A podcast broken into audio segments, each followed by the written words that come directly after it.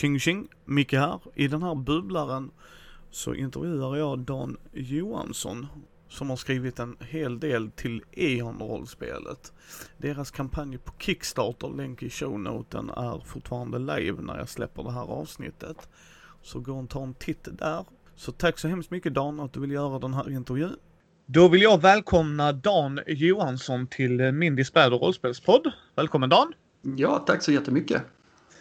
Uh, ni har ju ett projekt igång just nu i inspelande stund på uh, Kickstarter ju. Uh, och det är ju din äventyrsmodul eller kampanj. Ehm, som jag tänker vi ska komma lite längre fram så håll er gott folk. För vi på Mindy brukar vilja börja med att fråga. Vem är Dan Johansson?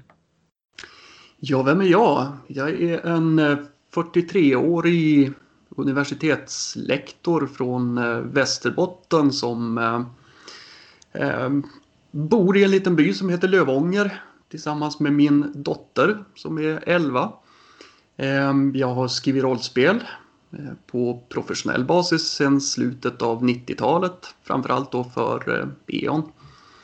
E.ON. Det är väl mitt, mitt närmaste CV kanske. Um, I övrigt så um, har jag både arbetat med att undervisa inom lite mer tekniska ämnen som programmering, webbutveckling och, och liknande. Uh, och fascineras en hel del av, av tekniken. Ja. ja, det kan jag tänka mig. Det kan jag tänka mig. Uh, vi ska komma in på vad E.ON är som jag sa till dig off mic här innan att uh, jag är inte rätt människa att prata E.ON än. än. Jag har en polare, en väldigt god vän till mig, Fredrik Weber. Han har spelat E.ON och tycker det liksom är coolt och så. Och, och jag har förstått charmen med det, men jag har själv liksom inte kommit dit riktigt än. Men jag tänker att vi ska gå in lite djupare på vem du är som person så vi kan känna lite Dan lite närmare så att säga. För jag antar att du spelar rollspel? Det gör jag. Eh, även om det inte sker lika ofta som det gjorde en gång i tiden. Um, ska säga, de senaste fem åren så har jag väl halkat in mer och mer på brädspel av olika anledningar. Ehm, men eh, absolut, jag, jag spelar rollspel regelbundet fortfarande. Ja. Är du rull eller rollspelare om du förstår den frågan? Jag förstår att det är en väldigt så direkt fråga. Det är ja. självklart olika parametrar och så. Men... Ja, jag är båda. 50-50 eh, skulle jag säga. Ja jag, jag, älskar det här när det blir mycket interaktion mellan spelare, eh, rollpersoner, spelledarpersoner och liknande. Eh, när man faktiskt får verkligen leva sig in i rollen.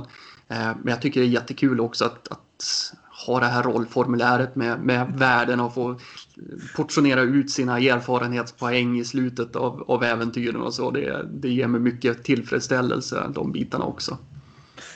Ja, nej, nej, absolut, absolut. Jag säger så här att jag, jag gillar ju reglerna som hjälper en genom spelet. Liksom. Vad, vad är det spelet vill göra? Och kan reglerna hålla mig i handen genom hela så gillar jag reglerna också. Så att, och det är roligt att rulla tärningar. Det, det är så. Och se ja. liksom statsen och det. Uh, är du hellre spelare eller spelledare? Uh, jag är hellre, hellre spelare skulle jag säga. Uh, delvis på grund av lathet tror jag. Eftersom att jag har otrolig respekt för, för liksom det, den tid och det engagemang som en, en spelledare lägger ner på, på eh, att få liksom en, en kampanj att rulla. Eh, så jag tycker det är jättekul att spela. Det är lite grann som att, att titta på en film också. Då, då, vet man inte vad som ska hända. Som spelledare så har man ju lite koll på det sen, sen tidigare. Men jag tycker det är jättekul att spelleda också. Mm. Jag, jag ty tyckte det är intressant för att du, du har ju skrivit det du har skrivit om jag har förstått det. Du kommer att förrätta mig jättemycket. Men det är väldigt mycket så här äventyr eller så här eh, äventyrsplatsbeskrivningar och, och sådana saker. Och det gör ju oftast en spelledare. Uh, men men jag, jag, det, jag tycker att man ska göra bägge grejerna som du är lite inne på också. Alltså för jag tror jag tror folk glömmer det du sa där Dan, respekten för vad spelledaren lägger in. alltså det är läsa regelböckerna, bara ta det liksom. Ofta ska ju spelledaren försöka ha koll på grundsystemet och, och sådana saker. Men vad är ja. ditt favoritrollspel just nu? Eh, just nu så måste det nästan vara Call of Cthulhu. Eh, den svenska eller den amerikanska? Ja, faktiskt inte tittat på den svenska utgåvan än. Ehm, vi är mm, fullt involverade i den här grandiosa Masks of Nyarlathotep-kampanjen. Som jag spelade som spelare en gång i tiden, ehm, för 15 år sedan kanske. Och nu så har jag axlat spelledarrollen med en, en annan spelarkonstellation. Ehm, så vi har sagt att vi, vi ska spela igenom den först och sen så ska vi ta oss an eh, Sylfens vrede så småningom. ja, ja, ja, ja. Ska du, jag antar att du får spelleda den då också Dan, då du ja, själv har det, skrivit den. precis, det, det, faller nog faktiskt på min, på min lott. Annars blir det så här. Ja, det, då kanske det hade varit intressant att se hur er spelledare hade gjort materialet i och för sig också kanske. Ja, absolut. Och jag, jag, tänkte på det att det har faktiskt publicerats några sådana här cirkulerat några så här nedteckningar eh, över spelargrupper som har spelat de inledande äventyren i, i Sylfens vrede tidigare. Eh, som jag har fått mig, fått mig tillskickade. Det har varit jättekul att läsa liksom hur olika spelargrupper har tagit sig an den här kampanjen. Nästan liksom lite skönlitterärt också, eh, mm. skrivet som, som dagböcker eller liknande. Jättekul för en, en, en äventyrsförfattare att få få grotta ner sig i. Ja, men det kan jag tänka mig. Det kan jag tänka mig. Men du sa att du spelade ju mer och mer brädspel. Ja, det stämmer. Ja. Är du Eurogamer eller Ameritrasher om du förstår vad jag menar? Ja, eh, mer Eurogamer eh, måste jag säga. Men det, det beror lite grann också på, på vilken spelgrupp man har och vilka man spelar tillsammans med. Sitter man liksom en, en normal sommar, inte en coronasommar utan en normal sommar ute i sommarstugan och får liksom smälla upp någon riktigt så här Judes on the Map eh, brädspel så, så kan det vara jättekul. Eh, men normalt sett så är det väl de här lite mer, lite mer strategiska, putta lite kuber spelen. Ja. Du, du talar till en uh, själsfrände kan jag säga. Ja. Det finns inget mer exalterande att flytta den kuben bara yes. men, men jag håller med dig. Uh, rätt grupp så är alla spel bra ju. Så att jag gillar också Mary Trash. Men det, för mig ställer lite högre krav på det som du säger. Alltså rätt omständigheter för mig och rätt människor. Alltså bara så att alla är med. Precis, och det, det är ju någonting man ska tänka på när man bygger upp sin brädspelssamling också. Att man, man måste ju ha ett brädspel för varje tillfälle. Eh, och då hamnar man ju liksom fort över den här 500 spelsgränsen som man egentligen inte vill passera för att det säger någonting om, om en som person. Eh. Ja, jag, jag, jag håller med. Ja. jag kan säga så här, min fru är inte lika glad som jag när jag hämtar ut mina paket kan jag säga. Men jag, jag, håller med dig. Jag håller med dig. Men man behöver inte fundera vad man ska inreda sitt hem i i alla fall. Nej, det kommer automatiskt. Ja. uh, vilket är ditt favoritbrädspel just nu då? Eh, det är väl Terraforming Mars och jag tror inte att det kommer att förändras. Jag tycker att det spelet har den här perfekta balansen mellan eh, liksom ett tema som verkligen knyter an till Terraforming Mars är ju för de som inte har spelat ett, ett brädspel där man eh, där man terraformerar, eh, liksom gör planeten Mars beboelig över i vanliga fall någonstans mellan 10 till 14 generationer. Eh, och där man börjar med en, en, ganska öde planet och sen ser till då att få upp syrenivån och, och eh, värmen och, och, skapa vatten på, på den här planeten så att den blir beboelig. Eh, tycker speltiden ligger jättebra, funkar liksom jättefint att spela två spelare eller tre spelare.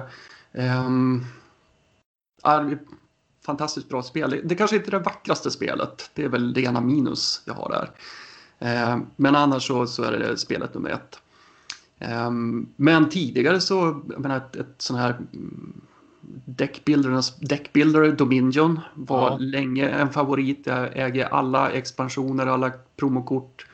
Eh, jag tycker om liksom lite, lite matigare kortdrivna spel, Twilight Struggle till exempel. Eh, men även de här lite kortare, smidigare Eurospelen. Eh, Uwe Rosenberg släppte ett spel som heter Nusfjord där man fiskar, fiskar torsk uppe i Lofoten. Tyckte jag var ja. väldigt eh, elegant och liksom lagom. Ett, ett, ett, liksom, ett UV-spel i, i, i som ett litet mikrokosmos där uppe i, i Nordnorge. som man faktiskt kan spela på en på, på, en timme också ungefär. Det är inget mm. Feast for Odin där man får ta ledigt från jobbet. Eh, för, att, för att lyckas driva det i hamn. Ja, nej, det ska gudarna veta. Nusfjord har jag inte spelat än, jag har va? Ja. Så det ser jag fram emot. Jag blev tipsad av det av min goda poddkollega Thomas som sa Nusfjord ska du ta en titt på Micke. För det är så här UV-spel. Jag hatar ju hans Agricola. Alltså det är... Oh, jag, jag förstår att det är ett bra spel. Det gör jag. Men det är som jag sa, vill du, vill du vara bonde på 1600-talet? Nej. och det är liksom, och, och vad jag inte gillar med Agricola, det är att alla måste göra allt. Jag, jag, jag, vill hellre gå min egen väg. Även om Ja. den är, du vet så här, inte kanske den bästa, men i Agricola måste du verkligen göra allt. Ja, men jag håller med och det är ett långt spel och det är dessutom ett spel som du måste investera ganska mycket tid i för att bli bra. Eh, annars så svälter dina familjemedlemmar ihjäl liksom första, första tredjedelen av spelet och du kommer aldrig ikapp. Så det är inte heller någon, någon favorit för mig. När det gäller Uwe Rosenberg då, då är det egentligen de här lite kortare men fortfarande strategiska spelen som, som Nusfjord och eh, Glass Road, ett annat, ett annat sådär eh, exempel som, som faller inom ungefär samma, samma grad av komplexitet och så. Och där liksom förlorar man så då, då kan man ta ett parti till direkt Ja. efteråt. Det, det är liksom inte värre än så. Nej, eh, Twilight Struggle har jag och polaren spelat. Jag, jag gillar inte det alls, men det som jag sagt till folk, det är för att jag vill inte ta den tiden det tar för att bli bra på det. För, vi, vi, för vi satt där och så bara, jag investerar i Kuba. Nej, du ska inte investera i Kuba. Du, du ska skita i det. Som Amerika, du ska bara, den är död för dig. Alltså det var helt så här, du vet, vi blev helt överraskade. Och då sa vi, nej tack, det, jag förstår varför folk gillar det. Det är ett Mm. av de spelen jag verkligen förstår. Men jag, jag gör den här podden och Youtube-kanal så att jag spelar inte ett spel 45 gånger. Nej, precis. och, och då faller det lite. Men, men det är jävligt tematiskt. För att vara verkligen. Det är det. Helvete. Och en, en genväg in i det spelet det är ju att ladda ner det på sin iPad. Eh, där det finns en jättebra adaption av, av eh, det här kortspelet. Där eh, AI ger en ganska bra tuggmotstånd åtminstone i, i början. Det tog mig tio partier ungefär innan jag vann första gången. Sen efter det så, så började jag vinna regelbundet. Men det är just det där att Ja, det finns ganska många kort i det här spelet men det är ett finit antal och man kan liksom hålla reda på vilka kort som har spelats och inte och innan Fidel-kortet har kommit ut, ja, men då, ska man, då ska man hålla sig undan Kuba. Det är bara så. Yes. Det vet inte en nybörjare. Nej. Ehm, men det är, det är någonting som man... learned I learned, It the hard way Dan. ja, Jävlar vad jag producerar. Men det här är ju skitlätt i Kuba. Åh oh, crap, det var därför det var lätt i Kuba. Ja, ja okej då. Men sjukt intressant spel och väldigt eh, grafiskt bra gjort också. Så att det ska Ja. till ha för det. Eh, men jag tänkte. Nu ska vi hoppa in i, för, för er som har missat det här, så Dan har ju skrivit en hel del till E.ON, både själv och med andra och redan från var det innan Neo Games också va? Eller var det? Jag kommer inte exakt det. ursäkta, var det...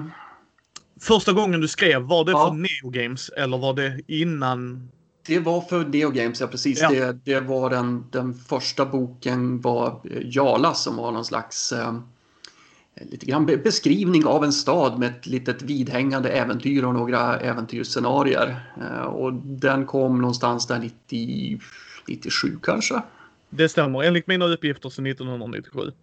Men innan vi går in på den, för, förklara jättegärna Dan, vad är E.ON för folk som inte vet? Ja, precis. Alltså nu, nu är det så här att E.ON kom ju i mitten av 90-talet. Så det är klart, det är inte samma E.ON idag som det var då. Ett spel mognar ju över tiden och är ju framme i sin fjärde version nu också. Eh, men jag kan väl säga att när jag kom in eh, som E.ON-skribent, då fanns egentligen, det var grundreglerna, eh, världsboken, möjligtvis att boken om Alver hade kommit ut också, men det, det, det fanns ett väldigt fåtal böcker där i början. Eh, Men då så var våran tagline att vi skulle vara det avancerade rollspelet men inte det komplicerade rollspelet. Så att vi skulle vara kanske det här lite om man gör parallellen mot brädspelen då, det lite mer matigare. Liksom det här eurospelet som man, som man kanske kliver in i efter man har spelat Carcassonne och Ticket to Ride och, och liknande och vill ta steget vidare in i en värld som är mer mer sammanhållen, en mer utvecklad, mer fördjupad. Men även ett regelsystem som kanske försöker på något sätt spegla en realism i vad som hände i spelvärlden på ett annat sätt än, än vad rollspel gjorde då. Sen ska man tänka på också att när E.ON kom så var vi väl någon slags ersättare för Drakar och Demoner som hade på något vis inte grävt sin egen grav men den, den, den hade tagit en vändning med Kronopia och liknande som gjorde att eh, många spelare kanske inte riktigt kände igen sig i, i den gamla Drakar och Demoner-världen. Vilket gjorde att E.ON där ett tag blev liksom det svenska fantasy-rollspelet. Så jag skulle vilja säga att det, det, därigenom så stod det lite grann på två ben. Dels att det skulle vara det här lite mer avancerade rollspelet och mer väl, välutvecklade världsbygget. Men det skulle också fylla rollen som ett, eh, det stora svenska klassiska eh, fantasy-rollspelet. Ja, för, för det är precis det jag har hört. Jag har hört realism, eh, grisfarmarspel som jag sa liksom. Ja. Nej men alltså att det är verkligen att eh, Jaha, du stukar foten. Du kan faktiskt dö här. Alltså, du, ja. du, du, ja, vem fasiken, det var någon jag pratade med om det var Peter Nallo eller Christer Sundlin, men det var någon som sa att i, i, i D&D, Dungeons and Dragons, så skalar du genom att oftast kunna slänga in fler fiender. Liksom. Okej, ni är episka, slänger vi in. Och det sa han, det gör du inte i E.ON. Alltså det, nej nej nej, precis. Där bör man, bör man undvika allt vad strider heter egentligen om man vill att sin rollperson ska, ska överleva en längre tid. Nej, men så, så är det ju faktiskt lite grann. Ehm, även om vissa rollpersoner kan, kan bli väldigt mäktiga också och på så sätt kanske hålla sig hålla sig levande längre än, eh, än sina motståndare. Ehm, men, men absolut, jag, jag, tror att det fanns, nu, nu talar jag lite grann för talar lite grann för Carl Johan Ström som var liksom, ska jag säga, den upphovs, upphovsmannen bakom E.ON tillsammans med Marco Berman och jag tror Ola Ola Nilsson hette han på den tiden och Christer Sundelin var ju också inblandad där i början. Men det, när jag kom till kontoret i, i Göteborg första gången då, då satt jag ju där och, och skrev rollspel tillsammans med Carl Johan och eh, Marco. Och Carl Johan vet jag var väldigt inspirerad av eh, Hanmaster, vilket ju är ett, ett rollspel med tusen kassiljarder världsböcker om eh, allt från pirater till just grisodlare. Och jag tror att mycket av känslan därifrån eh, sökte sig in i E.ON-spelen också. Sen hade vi Marco Berman då på, på andra sidan som är den här stora dramatikern och action eh, aficionadon eh, som förde in mycket av, av eh, de här mer storslagna, mer episka eh, delarna av E.ON. Och därigenom tror jag att det, det växte fram en, en ganska speciell stämning runt just det här spelet. Och sen kom jag då, lite sådär ung Drakar och Demoner-spelare. Ehm, och vad jag bidrog med det, det vet jag inte riktigt, men ehm, jag gissar att jag kanske låg lite mer i den klassiska fantasy-fållan. Ja, men då kommer vi in då. 97 släpptes boken om jag förstod det rätt i alla fall. Mm. Uh, och det är Jarla då, äventyr och stadskampanj. Hur, hur kom du till det projektet så att säga? Var det du som pitchade till dem att det här vill jag göra? Jag minns faktiskt inte riktigt nu. Eh, jag minns hur det gick till när jag fick min första anställning. Jag skickade in på vinst och förlust ett arbetsprov, ett, eh, ett äventyr till chock som jag hade skrivit och, och spelet. Ehm, och eh, jag tror det var Marco som högg ganska direkt och sa det att vi, vill bokar en biljett åt dig. Kom ner till Göteborg så, så får vi se vad vi kan, kan åstadkomma här. Ehm, men första boken, Jala, den skrev jag nog när jag fortfarande satt uppe i Norrland. Ehm, då hade jag fortfarande inte hunnit flytta ner utan det, det blev på blev först 98 tror jag. Så att, eh, den här boken skrev jag innan dess. Ehm, och jag tror, om jag minns rätt, att jag hade ett litet smörgåsbord med skisser till projekt som, som jag skulle kunna liksom välja att göra mellan. Ja, ja, och då tyckte jag just den här men, eh, kombon med att både få skriva en, en äventyrsplats och att få göra ett äventyr till, till den i samma bok lät väldigt häftig. Mm.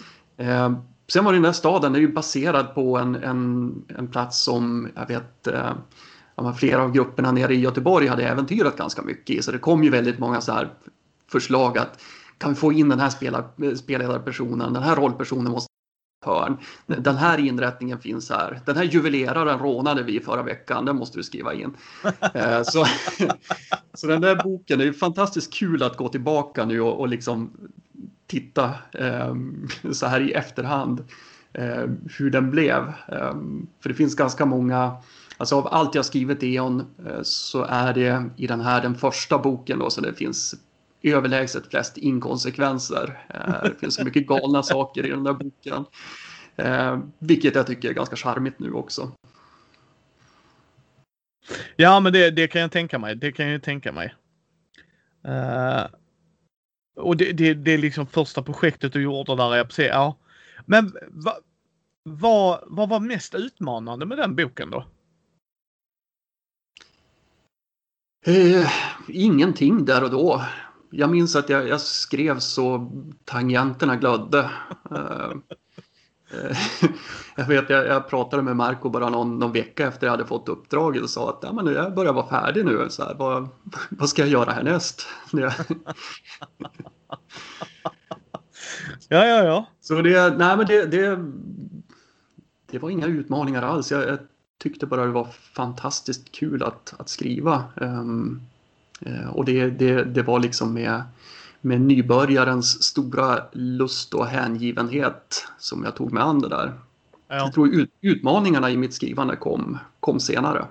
Ja. Man tänker att det borde vara tvärtom, att ju mer erfarenhet man får desto, desto enklare blir det. Men, men eh, för mig var det tvärtom i alla fall. Mm. Ja, nej, men så är det ju. Så är det ju. Men vad var roligast med den boken då? Ja, men det var, var ju att få se den i tryck. Liksom att få, få känna att, ja men titta, jag, jag har gjort en rollspelsbok, jag är en del av, av rollspel-Sverige. Och sen liksom ringa till kompisarna från den fasta telefonen som man hade på, på den tiden och, och boka tid. Liksom, när ska vi spela? När ska vi spela Maktens skugga som, som äventyret hette? Ja, det var, var jättehäftigt faktiskt. Um, och jag tror det, det är lite grann så många spelskapare jag, jobbar idag också och drivs av. Att få se sina, sina alster i tryck och känna att man har gjort någon slags bidrag. Um, för de jag känner är liksom, de är inte här för pengarna om man säger så. Nej, nej. det kan vi väl lugnt, lugnt avgöra. Ja, ja, Även om det finns en del pengar i, i hobbyn också, framförallt om man riktar sig mot en, en internationell publik. För då, då, blir ju marknaden också större och svenska rollspel har ju en, en, ett bra renommé utomlands. Oh ja, oh ja. Ja, ja nej, men så är det ju. Jag tror det var Christer som sa det. Liksom, gör det inte för att tjäna pengar. Nej. Vill du sen fortsätta göra det så gör det. Men gör inte det för att tro att du ska bli rik liksom.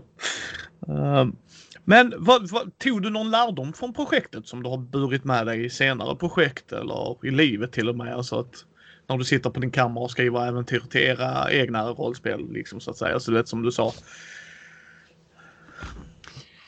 Eh, ja, vad ska jag säga? Um, alltså jag, jag har ju fått många erfarenheter och, och liksom ett, ett det har varit en, en lärandeprocess genom åren eh, hur man skriver och, och, vad man skriver och, och vad man skriver om och vad man utelämnar att, att skriva.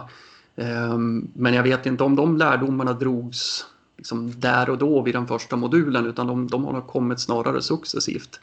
Mm. Eh, men det, det, det fanns ju det, det fanns ju sätt att, att skriva på då som eller skriva på idag som, som kanske inte eh, var uppenbara på, på den tiden. Eh, för att det fanns ett, ett visst sätt som, som rollspel och rollspelsböcker skulle, skulle se ut på och skrivas på. Så eh, om man säger den, när man tittar på, på rent kreativitet och formen för både rollspel och, och eh, eh faktiska supplement så tycker jag att det, det är ju någonting som fullständigt har exploderat de, de senaste 5-10 åren egentligen. Liksom vad som är möjligt att göra. Ja. Ja, ja, nej, nej, men det är ju det som är intressant också ju, precis. För sen skrev du, och då, som sagt, rätt mig om jag har så himla fel här. Men Asharien och Soldarna, jag är så här, namn och jag är... Precis, Asharian och Soldan. Det, det var ju då um, min första take på en världsbok. Och det ska väl sägas, eh, jag var inne på det lite tidigare, att jag hade ett litet smörgåsbord där med, med eh, förslag på skisser på olika böcker att skriva.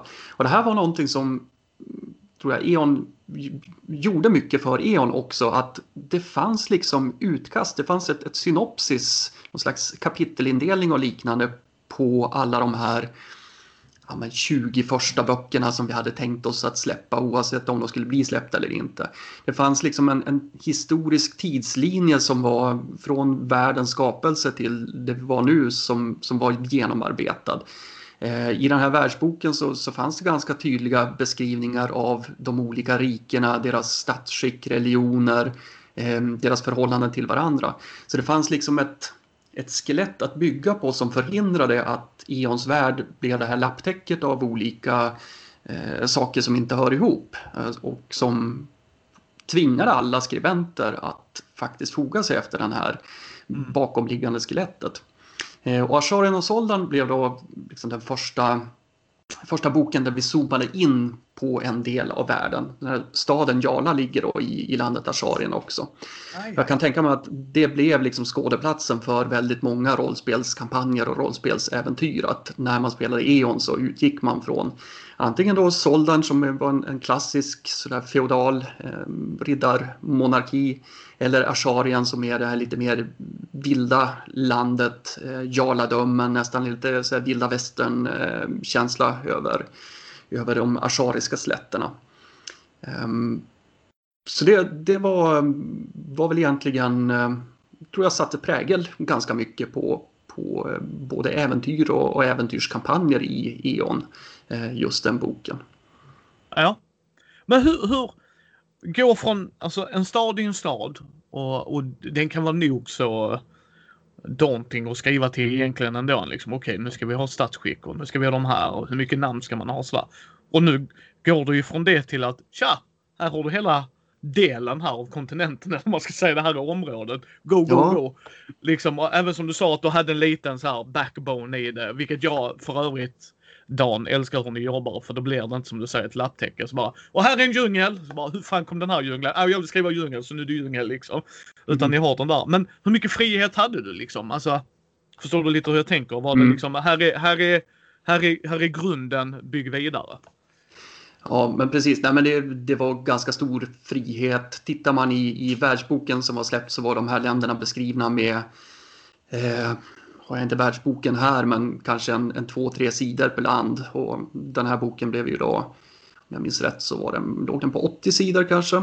Så att väldigt mycket är ju, det, det, var liksom väldigt, väldigt mycket frihet, men samtidigt tror jag lite grann en trygghet också att man, man hade de här eh, ramarna.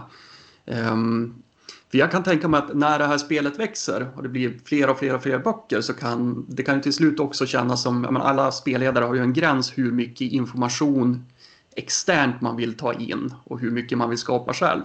Eh, för det är ju lite tråkigt också om man, man kommer på någon så här häftig äventyrsplats eller häftig storyplot och så visar det sig att ja, på sidan 79 i den här boken om eh, om misslor eller om Tallamur så, så står det någonting som eh, motsäger precis det, det jag försökte göra. Eh, och det är ju någonting som jag tror det, det är någonting som, som både drar in och har dragit in folk i den här hobbyn. Att man, man, man tycker det är jättekul med den här fördjupade världen som verkligen beskrivs in i minsta lilla vrå. Eh, men jag tror också att det kan ha skrämt iväg en del spelledare i just det att man känner att ens egen frihet kanske inte får mm, åtminstone på, på, på ytan inte får lika stort spelrum. Eh, men det där är väl en, en smaksak och också kanske en, en eh, det kanske också är eh, lite grann personligt som spelledare hur mycket man är beredd att kasta ut saker ur spelvärlden och, och liksom plocka in sina egna. För det är ju någonting vi inom rollspelshobbyn ofta liksom understryker att ja, man, här erbjuder vi dig ett material men vill du inte använda delar av det, kasta ut det, vill du inte använda någonting av det, ja, men tack för att du köpte det. Men... Nej, jag tänker också ja, nu, nu gled jag iväg. Den här frågan handlade inte alls om, om det jag satt och pratade om nu. Nej, uh, men... jag ska bara, jag, förlåt mig. Jag, jag hänger med vad du menar Dan, för det är också ett problem som kan uppstå när man var yngre det står faktiskt på sidan 79 att så är det. När man har en spelare som har läst alla de här grejerna och så bara nej, Kalle, nu spelar vi och Pelle här har valt att stryka det. Ja, men det står faktiskt där och det är officiellt material från Dan och han har ju ändå skrivit så du vet. Så jag håller med dig. Det kan både vara daunting och jag tycker för min egen del så landar jag i att um, jag tar det som inspiration eller så stryker jag det. Mm. Ja, så att, Nej, men och sen ska veta det så, så, här är ju det är på det här viset vi jobbar idag också inom Helmgast-gänget.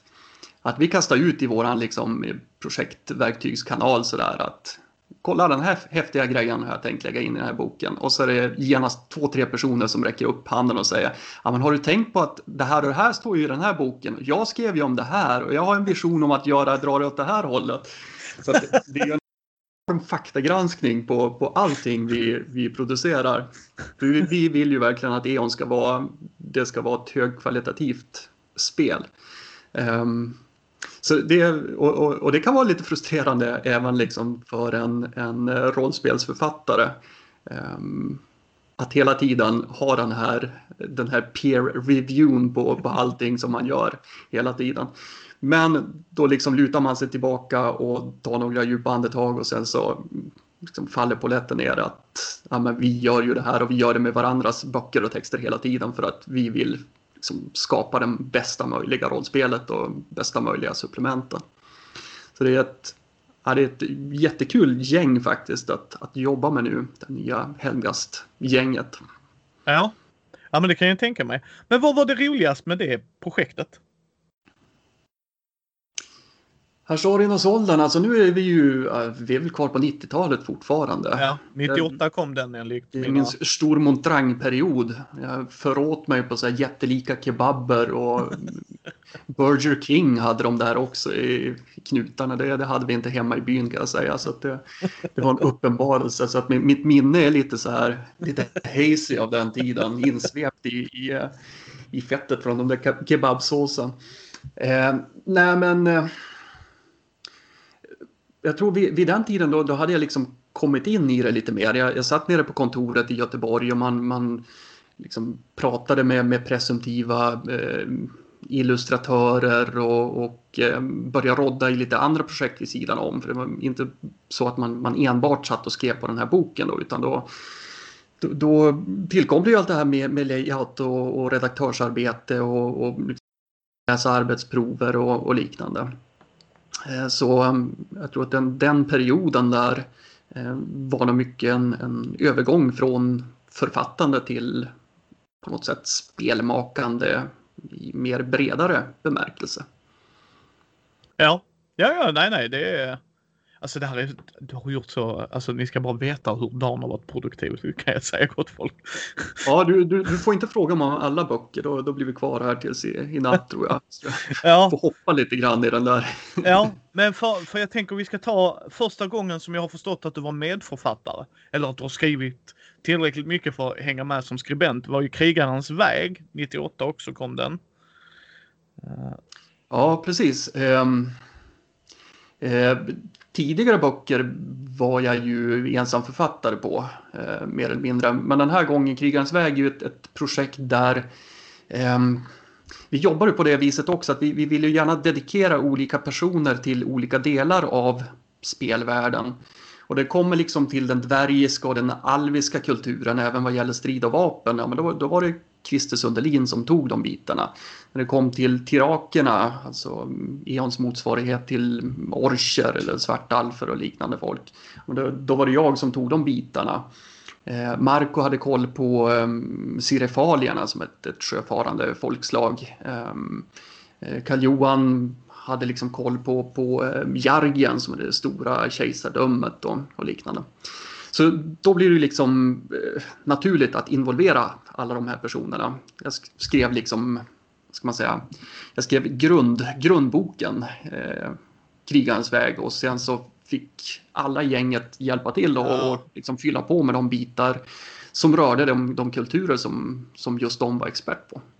Och det, det, var på det sättet som vi, vi jobbade med väldigt många av de här böckerna inom E.ON. När det kom till senare världsböcker som, som Geographica Mundana till exempel. Mm. Ja, men då, det var självklart liksom att den som hade skrivit om Asharian-soldaren tidigare även skulle skriva de delarna i den boken. Um, på samma sätt ett annat projekt, Legender och hemligheter, där vi plockade in då olika eh, olika bakomliggande plots som vi hade hintat om lite grann tidigare så här, men från olika delar av, av spelvärlden. Eh, där jag också fungerade då som en slags spindel i nätet men där alla de andra författarna kom och bidrog med sina delar av, av eh, det här bokbygget. Mm. För, men Alltså det, här, det, det, är så fantastiskt att höra Don. Jätteroligt att du är med här. För ja. jag tycker det här, det här är så roligt när man hör bakom. För det är ju ett väldigt smart sätt att jobba på kan jag tycka som outsider. Liksom. Att, ja, men du har ju skrivit om hela den världen så fortsätt. Alltså det är ju lerbart. Du har ju redan koll på hela den loren. Och jag kan tänka mig, det är rätt roligt för er när ni får boken i handen eller sådär. Du vet såhär. Ah, det är det han har skrivit. Åh, oh, vad intressant liksom. Oj, vilket tillskott. Att det blir lite så här som, eh, vad var det han, Ian McKellen sa när han hade sett hela Hobbiten. Nu vet jag vad filmen handlar om. Han var ju bara med i vissa delar. ja, precis. uh, för, för, jag vill ta, vi ska inte gå igenom allting i detalj nu, men jag har valt ut vissa som, för, för det blir lite annorlunda. För till exempel där religion och gudarnas kamp. Varför jag tycker det är fascinerande, det är att vissa glömmer ju bort religioner. Ehm, de tar inte riktigt ut det tycker jag i vissa spel. Liksom så här, ja, och sen har de religion. Så bara, ja, men på vilket sätt utövar de det? För religioner det finns rätt mycket att gå på och ta inspiration ifrån. Och, och det är också ett samarbete då, flera av er då ju. Men hur, hur var tankarna när du skrev religioner liksom? Hur, hur, hur var ditt mindset så att säga? Och hade ni dos and don'ts från, e, eh, liksom, från eh, kollegorna liksom att nej men det här rör vi inte eller nu, nu, det här mönstret går vi efter så att säga? Um, Ja, även där så, så kan man säga att många av de här religionerna fanns det ju redan liksom, uppunktade utkast till. Att man hade en halv sida om att ja, men den, den här religionen finns i, i de här delarna av spelvärlden och de liksom tillbe de här gudomarna och det finns ja, men de, de här sakerna håller man som viktiga här. Eh, vissa av religionerna var, var helt och hållet eh, nyskapade också. Men dos and don'ts, det enda vi hade, det var egentligen, det här var ju på den tiden som man, man gärna skulle lägga in en liten disclaimer i förordet att det här är på låtsas, det här är inte riktiga gudar. Eh, gå inte ut och offra eh, din hund till eh, Asradeus som bor i den här grottan i, i, i öknen. Um, det, det, var väl det jag kan komma på så här. Eh, nej men utan det, det, var samma tänk där att vi, vi delade ut de här religionerna utifrån eh, liksom expertområden hos våra skribenter. Och jag ska säga att vi tog in och liksom vi testade några nya skribenter också i den här boken och eh, lät dem skriva någon, någon religion för att se ja, men, hur bra gör ni det här? Skulle ni kunna bli framtida skribenter för, för oss också? Så det var lite så här arbets, ett, ett förtäckt arbetsprov också.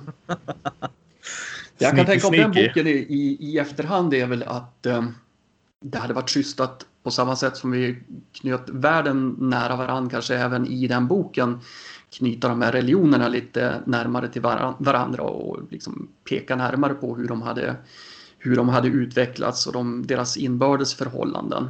Även om det var sånt som vi avhandlade ganska mycket i världsböckerna. Sen kan jag tycka också att det kanske blir lite väl många religioner. Jag vet inte om um, jag vet inte om så många religioner egentligen kan, kan samrymmas i spelvärlden av, av de måtten. Men det är ju också lite grann ett sådär ett eh, det är ju ett, ett, barn av sin tid och nu när vi jobbar med den nya versionen så går vi tillbaka och tittar förutsättningslöst på allt material som är släppt sedan tidigare. Ser vi någonting som vi idag inte tycker håller måttet, då ändrar vi på det. Så, så enkelt är det bara. Så det är liksom Kill your darlings är eh, det, det, är fullt, det, det, är fullt, fullt gångbart för oss. Ingenting som vi ryggar för då, även om vi helst ser att vi slipper förstås. För vi, vi tycker att har man skrivit någonting en, en, liksom en gång och um, tidigare spelare är inkörda på det så vill vi inte gå in och förändra någonting i onödan. Nej, nej. Men ingen, ingenting är heligt. Nej, Ja, men det, det är roligt att höra. För nästa grej jag tänkte vi ta, ta upp här med dig, för det är alltså intressant för att Du har skrivit en stadsbok med liksom äventyrsplats och sen ett äventyr till det. Du har skrivit eh, liksom om religioner och lite sådana grejer och en modul och mer moduler liksom och sånt där. Men sen kommer spelarens handbok nämligen. För det måste ju också vara en helt annat sätt att skriva på. För jag tänker mig, och rätta mig om jag har fel här, men jag tänker mig någonstans när man skriver om världsmodul eller ett stadsgrej. Så kanske man tänker lite så här, det här är för spelledaren att ta ifrån. Det är jättebra om spelarna också ska läsa men det är ju spelledaren som sätter äventyren i Jarla till exempel och sådana grejer. Och nu kommer ju spelarens bok. Och den är ju riktad till spelarna skulle jag anta mm. ju så att och hur, hur, var det att skriva? Hur kom ni fram till att fasiken vi kanske ska köra det också? Jag tror att det var, och nu, nu har jag inte liksom kronologin i, i, i huvudet. Att kommande versioner av E.ON, alltså E.ON den tredje upplagan, där hade vi en spelarens bok och en spelledarens bok som var liksom grund, grundreglerna. Eh, det hade vi inte med, de, inte med den första versionen, jag tror inte vi hade det med den andra versionen heller, utan då, då var regelboken, den var liksom spelledarens bok, så det fanns ingen spelarbok. Så det var väl egentligen vårt sätt att, att grunda för det vi ville göra i framtiden, att splitta de här böckerna i två. Och säga det att ja, men vi, vi börjar med att lyfta ut allting ur grundreglerna som vi kan tycka är viktiga för en, en, spelare att ha koll på. Och sen kryddar vi upp det här med lite tips till, till spelarna också. Så den innehåller ju egentligen allt som behövs för att skapa rollpersoner i utrustningslistor och, och färdighetslistor och sådär. Jag skulle inte säga att det, det var det mest så kreativa projektet som jag varit inblandad i. Ehm, utan här var det snarare kanske en, någon slags selektionsprocess där man skulle in och, och försöka titta på ja, man bara, vad behöver en spelare för att kunna ta sig an E.ON för första gången. Jag vill minnas att vi har med så här korta, korta sammanfattningar av världen i den där boken också så att man det blir som en slags start, startmodul för en spelare. Jag vill spela E.ON, ja, men jag köper den här modulen och sen så kan jag både slå, slå fram min rollperson och jag får liksom rudimentär kunskap om, om världen och hur den hänger ihop och, sådana saker som ehm, ja, men, hur, hur, går en strid till? Eh, bör jag ge mig in i en strid överhuvudtaget? Vad, vad ska jag tänka på? Vad är liksom skillnaden jämfört med, med klassiska eh, tidigare fantasy-rollspel jämfört med E.ON? Ja. Man får ju tänka på att E.ON var inte det första liksom, spelet där man faktiskt kan dö av, av ehm, kallbrand i benet efter att ha fått den här infektionen. Eh, utan några år tidigare så hade man ju släppt eh, ett spel som hette Viking. Som ju var enormt brutalt på det viset och där min spelargrupp, jag minns vi, vi hade de en början av ett äventyr med en nyskapad rollperson som skulle utmana en, en, eh, en annan viking på brottning och det slutade inte bättre att han föll och slog huvudet i en sten och, och dog. Så det, liksom efter fem minuter så var det bara att sätta sig ner och göra en ny rollperson. Det, det finns ju en charm i det. Eh, Men, men, samtidigt, där, där, kanske man i efterhand önskar som spelledare att man kunde ha gått in och, och fuskat lite grann med, med tärningarna eller någonting. Ja, och vilket sätt att dö på. Jag gissar på att han gjorde karaktären längre i fem minuter också ju. Ja. Förlåt mig, jag, jag, kan bara säga du vet när man är så ung. Och, alltså, du dog. Jaha. Jaha. Man dessutom vet att det här var, det var en rollperson där alltså, tärningslagen hade utfallit helt så fantastiskt bra. Det var så här, grundegenskaperna var helt magiskt höga och det var, det var som man, man gapade så här. Man nästan hade sett en rollperson med så höga stats någon gång. Och så det slutet då. Ja, det är tufft. Sibbe Kjellson hette han. Shoutout till dig. Jag får säga hans namn här så att han, ja. han lever vidare i när utomjordingarna hittar den här podden ja. Eh, och ska terraformera vår förstörda jord i framtiden så kan de gräva fram och ja, den här Sibbe Kjellson, han var ett praktexemplar. Ja, ja, nej, ja. men, men jag tänker som sagt, du har gjort en hel del eh, moduler också Daniel. Och vi behöver inte gå igenom alla för att jag tror vi nu har förstått lite att du skrev den delen du kunde liksom sådär. Men 2004 hände ju en speciell grej. Ja, precis. Du tänker på diamantäpplet, skulle jag tro. Ja. Eh, då kommer ju den första delen i, i eh, den här ja, ja, har du, vet du hur många delar du kommer vilja ha i den eller? Vad? Där och då så tänkte jag att jag skulle ha fem delar. Ja, ja. Eh, den femte delen har ju faktiskt kommit nu också. Yes. Sen har jag fått veta i efterhand att eh, tydligen var det ingen annan som hade snappat upp att jag tänkt göra fem delar. Eh, någon, hade, någon hade hört att det skulle vara tre delar, någon hade överhu- överhuvudtaget inte hört att det skulle vara en, en kampanj.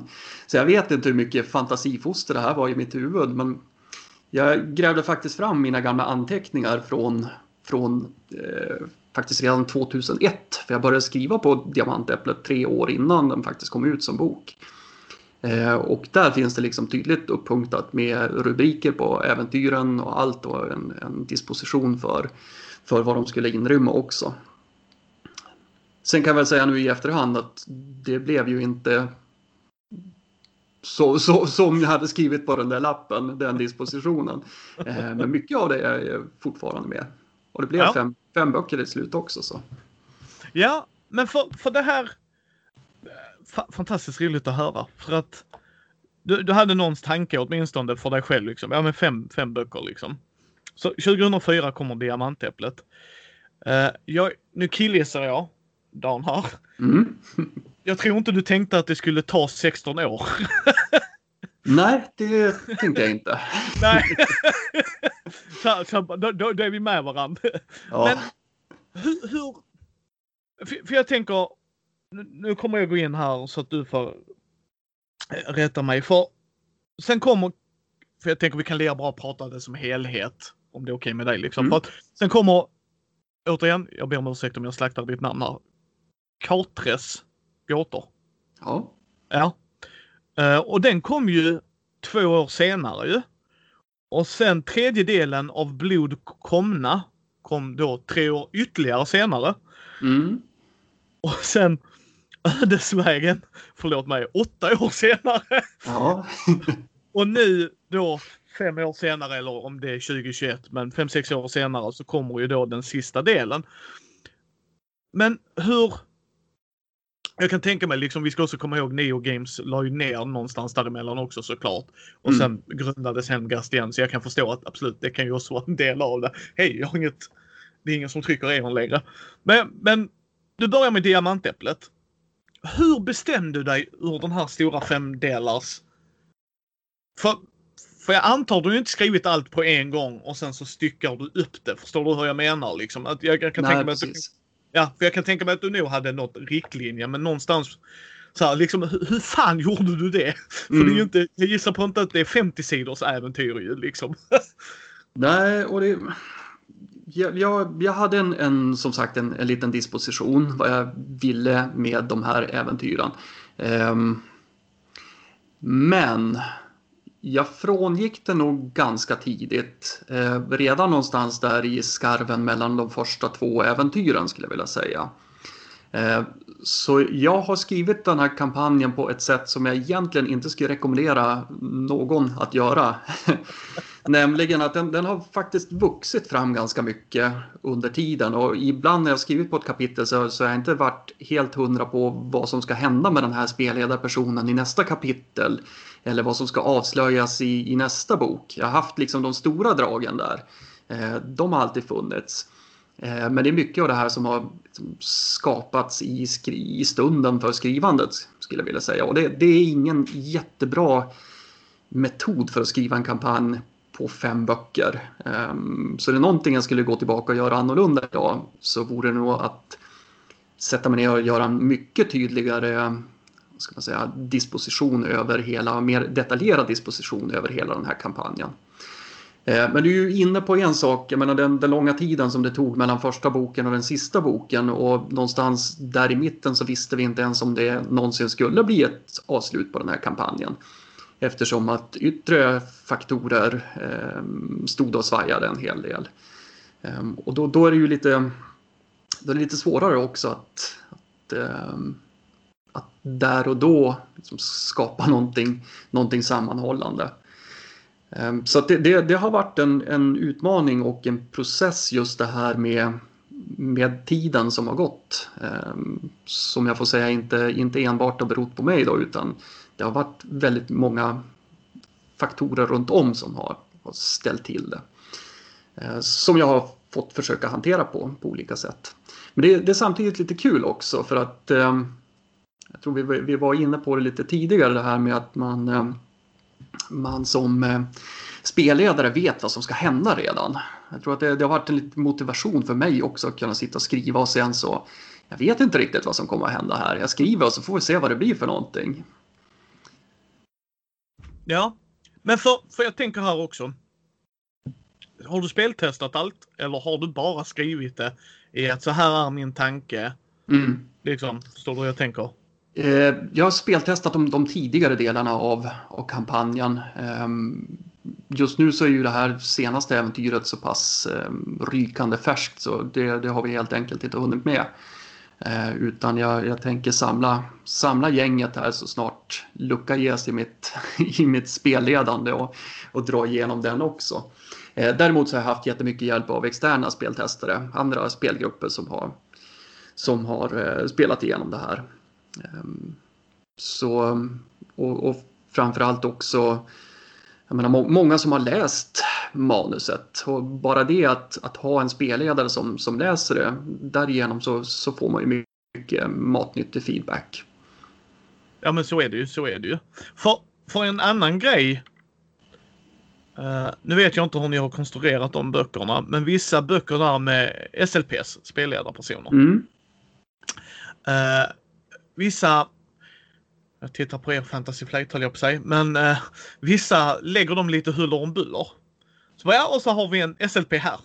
Så blir det skitbra. Så hoppar vi så 20 sidor. Så bara, det är skitbra att SLP är med där också. Men snälla, ja. för helvete ha ett index till mig. Så jag vet var jag kan hitta SLP. Ja. eh, men för, för där är ju en helhetsbild, vad jag vill komma fram där Dan är ju att där är ju en helhetsbild och du undrar hur var dina tankar där? För någonstans har du ju dina SLPs liksom att det här är the main villain eller det här är en ally eller allierad liksom. Och eh, hur, hur tänker du? Du ska få svara på frågorna men liksom hur är tanken på strukturen, balansen? Liksom eh, vad, vad, vad, spelledaren kan använda. Liksom, alltså, hur mycket detaljnivå valde du att gå ner kontra inte? Alltså, förstår du mm. lite hur jag tänkt här? Mm, absolut. Eh, vissa av spelledarpersonerna bestämde jag egentligen redan i, i början, redan innan jag började skriva på Diamantäpplet. Några av dem som är, liksom, har de, de, de viktigaste, eh, viktigaste betydelsen för för liksom den, den bakomliggande röda tråden i, i äventyret. Eh, vissa av spelledarpersonerna som eventuellt återkom i kampanjen också introducerades dessutom i, i eh, första äventyret. Sen fanns det andra spelledarpersoner som, som dök upp under skrivandets gång och som liksom, tog väldigt mycket mer plats än vad jag hade tänkt från början.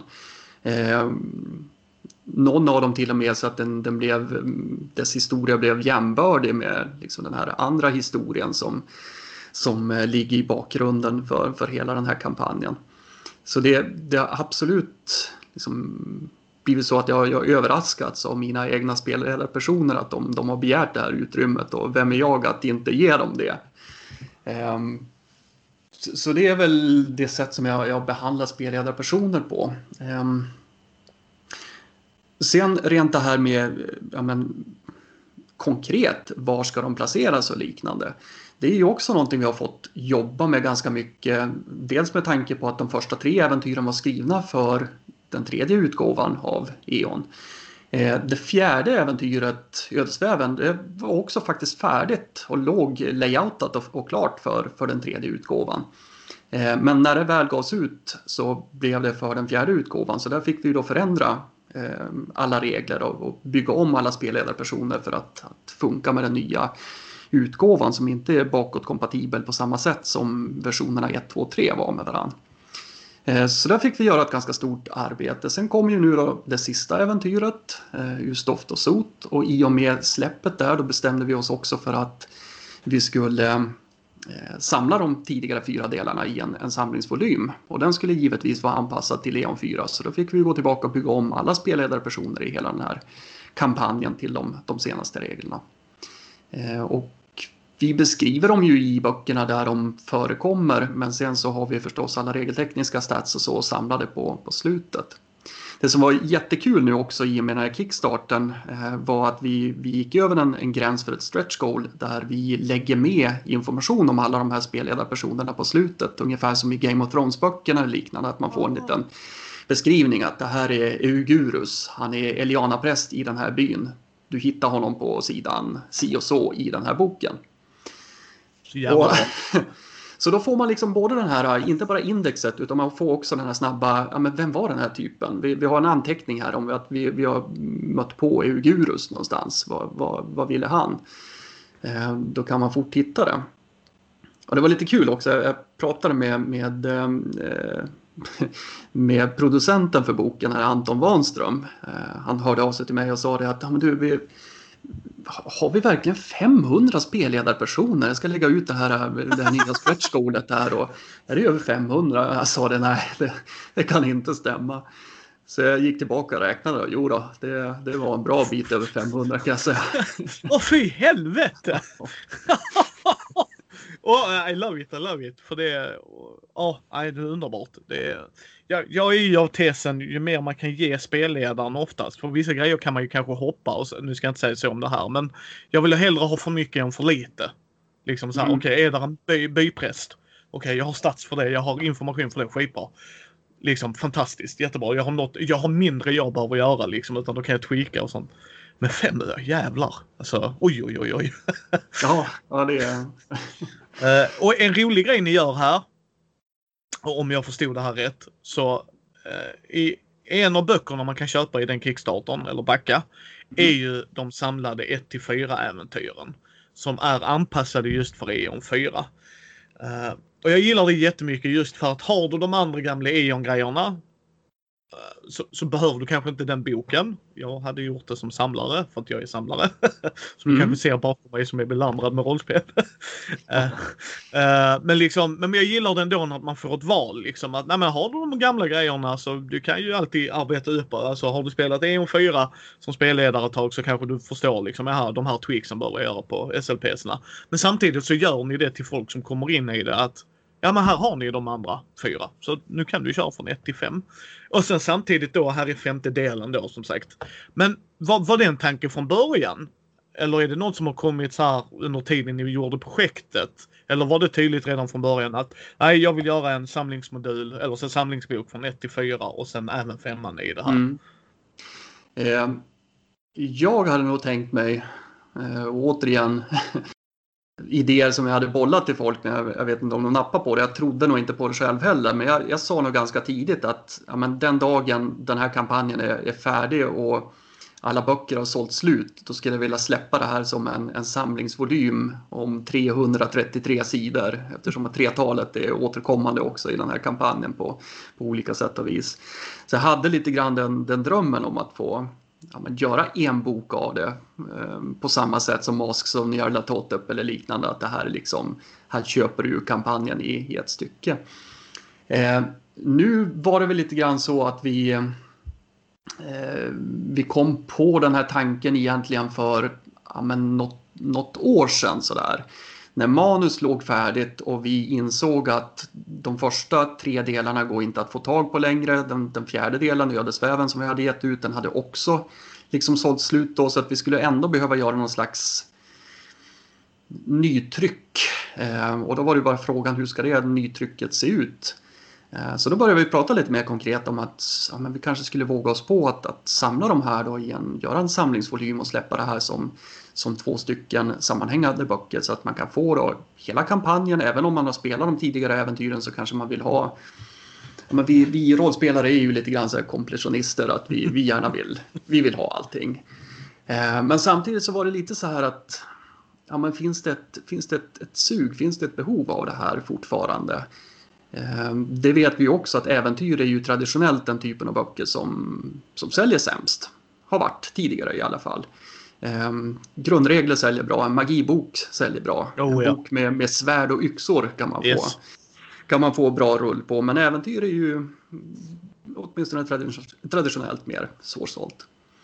Um, men vi, vi beslutade oss för att, ta en chansning och, och hoppas på att det fortfarande fanns människor där ute som, som älskar E.ON och eh, människor där ute som, eh, som eh, vill lära, lära sig börja älska E.ON också. Och då tänkte vi att då, då försöker vi fixa det här åt dem så att det, det finns möjlighet att få tag på hela den här kampanjen. Um, och sen när Kickstarter nu lanserades så var det ju, jag satt bara och gapade där i början. um, jag hade ju hoppats, som alla rollspelsförfattare gör, att, att vi skulle kunna fanda den här och, och helst att det skulle gå ganska fort så att man slapp sitta och bita på naglarna om nu allt arbete man hade lagt ner på det här skulle vara förgäves. Men det var ju fantastiskt kul att se hur det, hur det sprang iväg där i början och, och säkrade att vi kunde göra båda de här böckerna. Och sen också att vi har tagit stretch goalen nu i, i, eh, i, en bra takt också, vilket har möjliggjort för oss nu att lägga in mer material i de här böckerna. Nytt material som vi inte har sett tidigare. Eh, för att förutom att vi har liksom fått till fler bilder och fler kartor och, och liknande eh, så lägger vi in en ganska mycket, ganska mycket eh, nytt material också i, i våra appendix. Just för att ge de här ja, men, extra, extra grejerna till spelledaren. För det här är ju också en, en kampanj som, som sträcker sig över ganska lång tid i, i, i spelvärlden. Alltså det, det rör sig ju ändå om några år i spelvärlden. Och rollpersonerna kommer att röra sig över ganska stora områden och, och förmodligen bli involverade i, i olika delar av, av, eh, av de, de företeelser som finns i spelvärlden som kommer att tarva olika typer av, av regeltillägg också. Det är jättebra att vi får in dem i de här böckerna så att man känner att man, man behöver inte köpa köpa alla böckerna där ute för att kunna spela den här kampanjen utan allting man behöver för att spela kampanjen finns, finns med i de här böckerna. Älskar det, älskar det. Alltså det är verkligen så här helhetsbild. Här, det här är vad du behöver. Grundböckerna och detta, kör. Mm. Njut, njut. Nej, det är fantastiskt. Älskar det, älskar det jag hör dem. Verkligen. Alltså det är att folk inte kan göra så allmänt bara. Alltså det, det, nej men det är en sån in, inställning att ha. Jag förstår att man vill sälja sina produkter men samtidigt så älskar jag när man Det här är vad du behöver för att spela det. Köp gärna de andra grejerna också. Men det här mm. är vad du behöver för att spela. Uh, och det är det jag älskar med er på Hemgast. Alltså att varje produkt man ser från er så har man lite det tänket att det är klart vi vill sälja rollspel men vi vill ju sälja bra rollspel. ja, precis. Och det kan vi ju säga att alla pengarna som vi får in liksom utöver um, det vi behövde för att, funda det här spelet. Det, mycket av det går ju just till det här att ja, se till att få den bästa kvaliteten som möjligt på, på prylarna. Det är inte så att vi, vi ligger och vältrar oss i, i silvermynt och kopparmynt där från, från backers utan vi, vi låter, pengarna, låter pengarna här arbeta och gå tillbaka till till de som har varit snälla och, och sett till att det här har blivit verklighet. Ja, du fick en bild i huvudet som ni har som Joakim von Anka-kammare. Alla hemgastare bara Wii! Precis, en liten källarhåla där vi samlas. Ja. Till Bersinu. Och... Ja. Och i rummet bredvid har ni ert rollspelsbord. Så att... ja. Men vad... Jag tänker, för att vi inte ska sitta här hela dagen och du, du har din dotter och sådana grejer och eh, vi har våra liv tyvärr för gott folk. Vi har det också. Men jag tänkte om det är okej okay med dig att vi ska börja avrunda lite. Mm. För att som sagt, alltså gå in och kolla vad Dan har skrivit. Eh, det är egentligen bara alla hemgastar men jag blev väldigt så här, oj jävlar vad du har legat i. Eh, och jag dissar inte E.ON på grund av den här frågan, men det här är ju intressant för tittar man på Marco, Petter, Christer så de har ju skrivit för E.ON men de har också skrivit annat. Men hur kommer det sig att du inte har skrivit andra grejer? Nu vet jag att du pratade om att du har skrivit lite texter till Sagospelet Äventyr och sådana grejer. Men jag menar, och det är jättekul det också. Men varför har du inte skrivit någonting till Kopparhavets hjältar eller till um, Troubleshooter? Nu säger jag inte, men det är ju era egna spel tänker jag mer. Mm. Har du inte haft det suget eller är det bara E.ON? E.ON, där är jag bekväm, där vill jag vara. Eh, nej, jag tror det finns så många svar på den frågan. Eh, för det första så om vi tar de, de, personer som du räknar upp så kanske vi har valt lite olika eh, karriärer rent yrkesmässigt. Marco har jobbat med, med spel hela sitt liv, eh, gått vidare till datorspelsbranschen. Eh, samma sak, liksom skriver mycket manus till, till eh, olika typer av spel och jobbar också på, på datorspelsföretag nu. Um, Krille har ju haft en liksom, stor produktion vid, vid sidan av, ett, ett stort engagemang och, och liksom, skapat många egna spel och, och, skrivit för de egna spelen framför allt.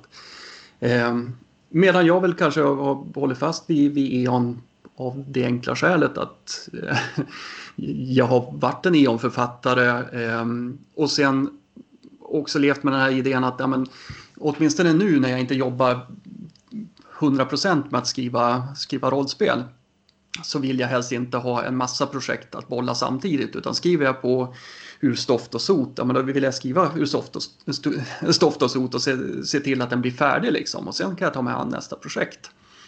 Eh, så det öppnar ju lite grann nu förstås, ehm, när nu den här kampanjen är färdig. Finns det några rollspelsproducenter där ute som vill försöka locka över en, en gammal Eon Räv så, så kanske jag är intresserad, men vi får se. Eh, ja. Jag, har lite, jag har lite förfrågningar inifrån ehm, Helmgast som jag hoppas kunna göra, göra allvar av framöver här och jag, jag har också en del förfrågningar att, att fortsätta skriva för sagospelet Äventyr så att Ja. Jag, jag saknar väl inte jobb framöver heller. Nej, eh, men... men sen tror jag en tredje anledning, anledning är att jag, jag är lite eh, Eh, jag sitter, jag, sitter, jag sitter uppe i Nordland och jag, jag, jag, springer inte på Gothcon och jag springer inte på, på de här eh, stora konventen där nere. Så jag, jag träffar liksom inte andra rollspelare. Um, inte de, de här personerna som finns i, i eh, vad ska man säga, rollspels-Sveriges kärna. Jag, jag, jag, har stött på dem och liksom skakat hand med dem några gånger sådär, men jag tror att många andra rollspelsproducenter har ett, ett mycket mer nära kontakt med varandra eh, än vad jag är. Så jag tror jag, jag kanske är lite kanske är lite bortglömd här uppe. ja, jag hoppas någon eh, petar på dig för att som sagt vara så kreativ. Men hur, e- Eon och sagospelet Äventyr jag har inte spelat sagospelet Äventyr, dock läst det. Jag skulle mm. på att det inte är samma typ av spel ju. Nej, det är ju inte det. Och jag är ju av den åsikten också att precis som med min brädspelssamling att man kan ha liksom Twilight Struggle och, och Terraforming Mars och de här spelen i hyllan. Men man måste ju ha Loopin' Louie där också. Oh ja. Liksom när, när, när systersonen kommer på besök och sådär. Det, det måste liksom finnas spel för alla. Och jag tycker också att det här skiftar ju jättemycket med, med vilket mod man är i också och vilken spelarkonstellation man är, är i. Det är ju inte varje dag som jag vill sätta mig ner och spela Through the Ages eller, eh, eller Eufrat och Tigris eller någonting sånt utan det, det finns ju absolut lika många tillfällen när jag bara vill slita fram en låda och spela Codenames eller Dixit eller eh, dra som är liksom snabbspelat. Och samma sak med sagospelet Äventyr. Det, det blir mitt sätt att kunna, kunna introducera min dotter till rollspelshobbyn och vi har haft jättemycket kul med, med det spelet. Och då kommer ju även suget att faktiskt skriva till det också. Jag menar, sitter man ändå och spelar så varför inte varför inte försöka konkretisera mycket av det också så att, så att någon annan kan få, få glädje. Eh, Tycker samma sak med om man ska lyfta fram ett brädspel, Mice and Mystics. Um, körde vi väldigt mycket när min dotter bara var ja, sex år gammal eller sådär. Jag hittade också en jättefin översättning av, av um, de här sagoelementen i spelet som, som fanns tillgängligt på, på nätet. En, en, en kille som hade spelat igenom det här spelet och ville liksom dela med sig av, av sin översättning till andra. Och vi hade, hade jättemycket nytta av den. Fantastiskt kul kampanj. Där liksom jag fick min, min sexåring att sitta där och spela två timmar långa brädspelspartier. Det... Om och om igen. Helt uppslukad av, av storyn med de här små, små mössen som sprang runt i, i borgen. Ja, ja det och på tal om borgen, drakborgen. Ja. Det är ju den, den andra stora häftiga nyheten, alltså den, den, här, den här månaden. Att jag fick vara med och göra en karaktär i Drakborgen. Ja. Det, ja. det, det, var liksom båda kom på samma vecka. Både liksom att vi kan släppa ny, nyheten om, om eh, genom vind och glas och just doft och sot och dessutom att, att jag fick ha med min, min gamla ärketrollkarl Farast Vartaniel i Drakborgen. Så många timmar som jag har dött i, i det där slottet och nu att få, få göra det med min favoritrollperson framöver också. Det, att det kommer att bli helt magiskt. Ja, ah, det är fan alltså det är guld värt. Det är guld värt. Uh, om vi då. Jag har två avslutande frågor här så ska du så ska vi tacka för att du har varit med här. Det har varit jätteroligt. Alltså det här är så, så givande för min del i alla fall. Ja, tre, samma här. Tre tips som någon, till någon som vill skriva. Antingen äventyrsmoduler eller de stora kampanjer liksom. Som du känner att tänk på de här grejerna. Mm. Ehm, det är lite olika beroende på vad man ska skriva. Om man ska skriva den här stora kampanjen eller om man ska skriva ett äventyr. Ehm, ska du skriva den här stora kampanjen så sätt dig ner och gör en ganska, ganska tydlig disposition över vad du vill med det här eh, äventyret eller den här kampanjen. Vad som ska vara den, den sammanhängande röda tråden. Bygga upp en story arc och sen ett antal möjliga slut på det hela. Så att man har det skelettet att utgå ifrån.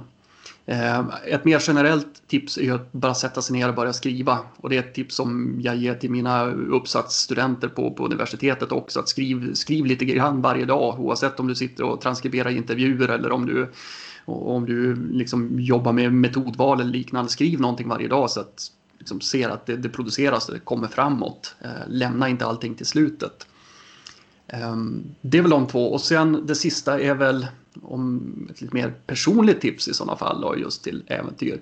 Så lägg krutet på, på häftiga äventyrsplatser. För en äventyrsplats i sig kan liksom locka fram så mycket ja, men mycket från, från både spelledare och från spelarna också. Att liksom få, få ta sig an och utforska alla aspekter av just den här geografiska platsen som man befinner sig på just nu. Eh, det kan liksom i sig ge upphov till hur många äventyr som helst. Slipper man sitta och liksom förbereda de här sidoscenarierna utan får man bara ett, ett roligt material att jobba med så, så kommer det här automatiskt. Ja, det det är jättebra tips. Ja, det är jätteroligt att höra. Och det, jag kan inte understryka hur många gånger jag har hört rollspelsskapare och illustratörer och så bara gör det, bara gör det, du måste göra det. det liksom, och vissa liksom rollspelsskapare, du kommer skriva de tråkiga delarna också, det är bara så. Ja. Alltså det, det, är liksom, det är, det är bara så. Nej men så är det. Ibland när man sätter sig ner och skriver det, då har man ingen inspiration och då, då är det som bara att pressa sig till att göra det. Ja. Men, men det behövs ju göras. Men mm.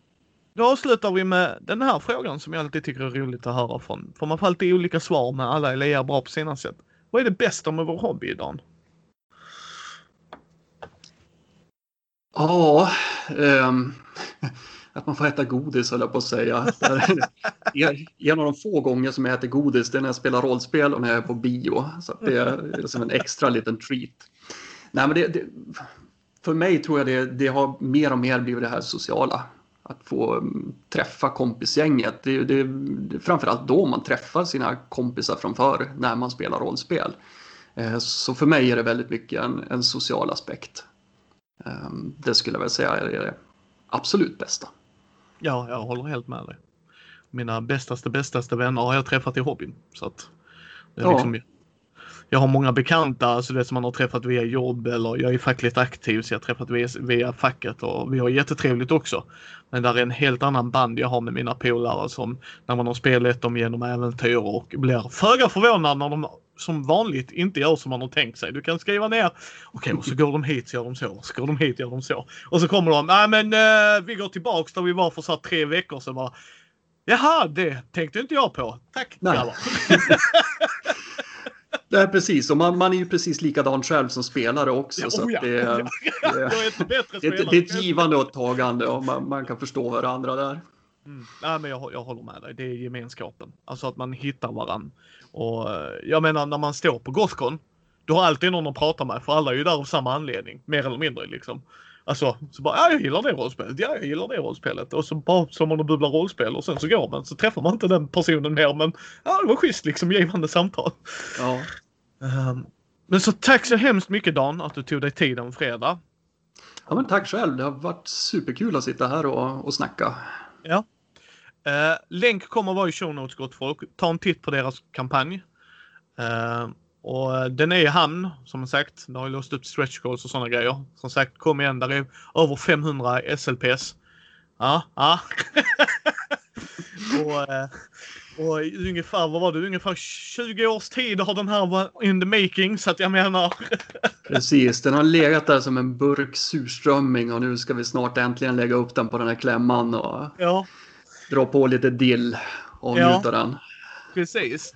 Så äh, återigen, tack så hemskt mycket Dan.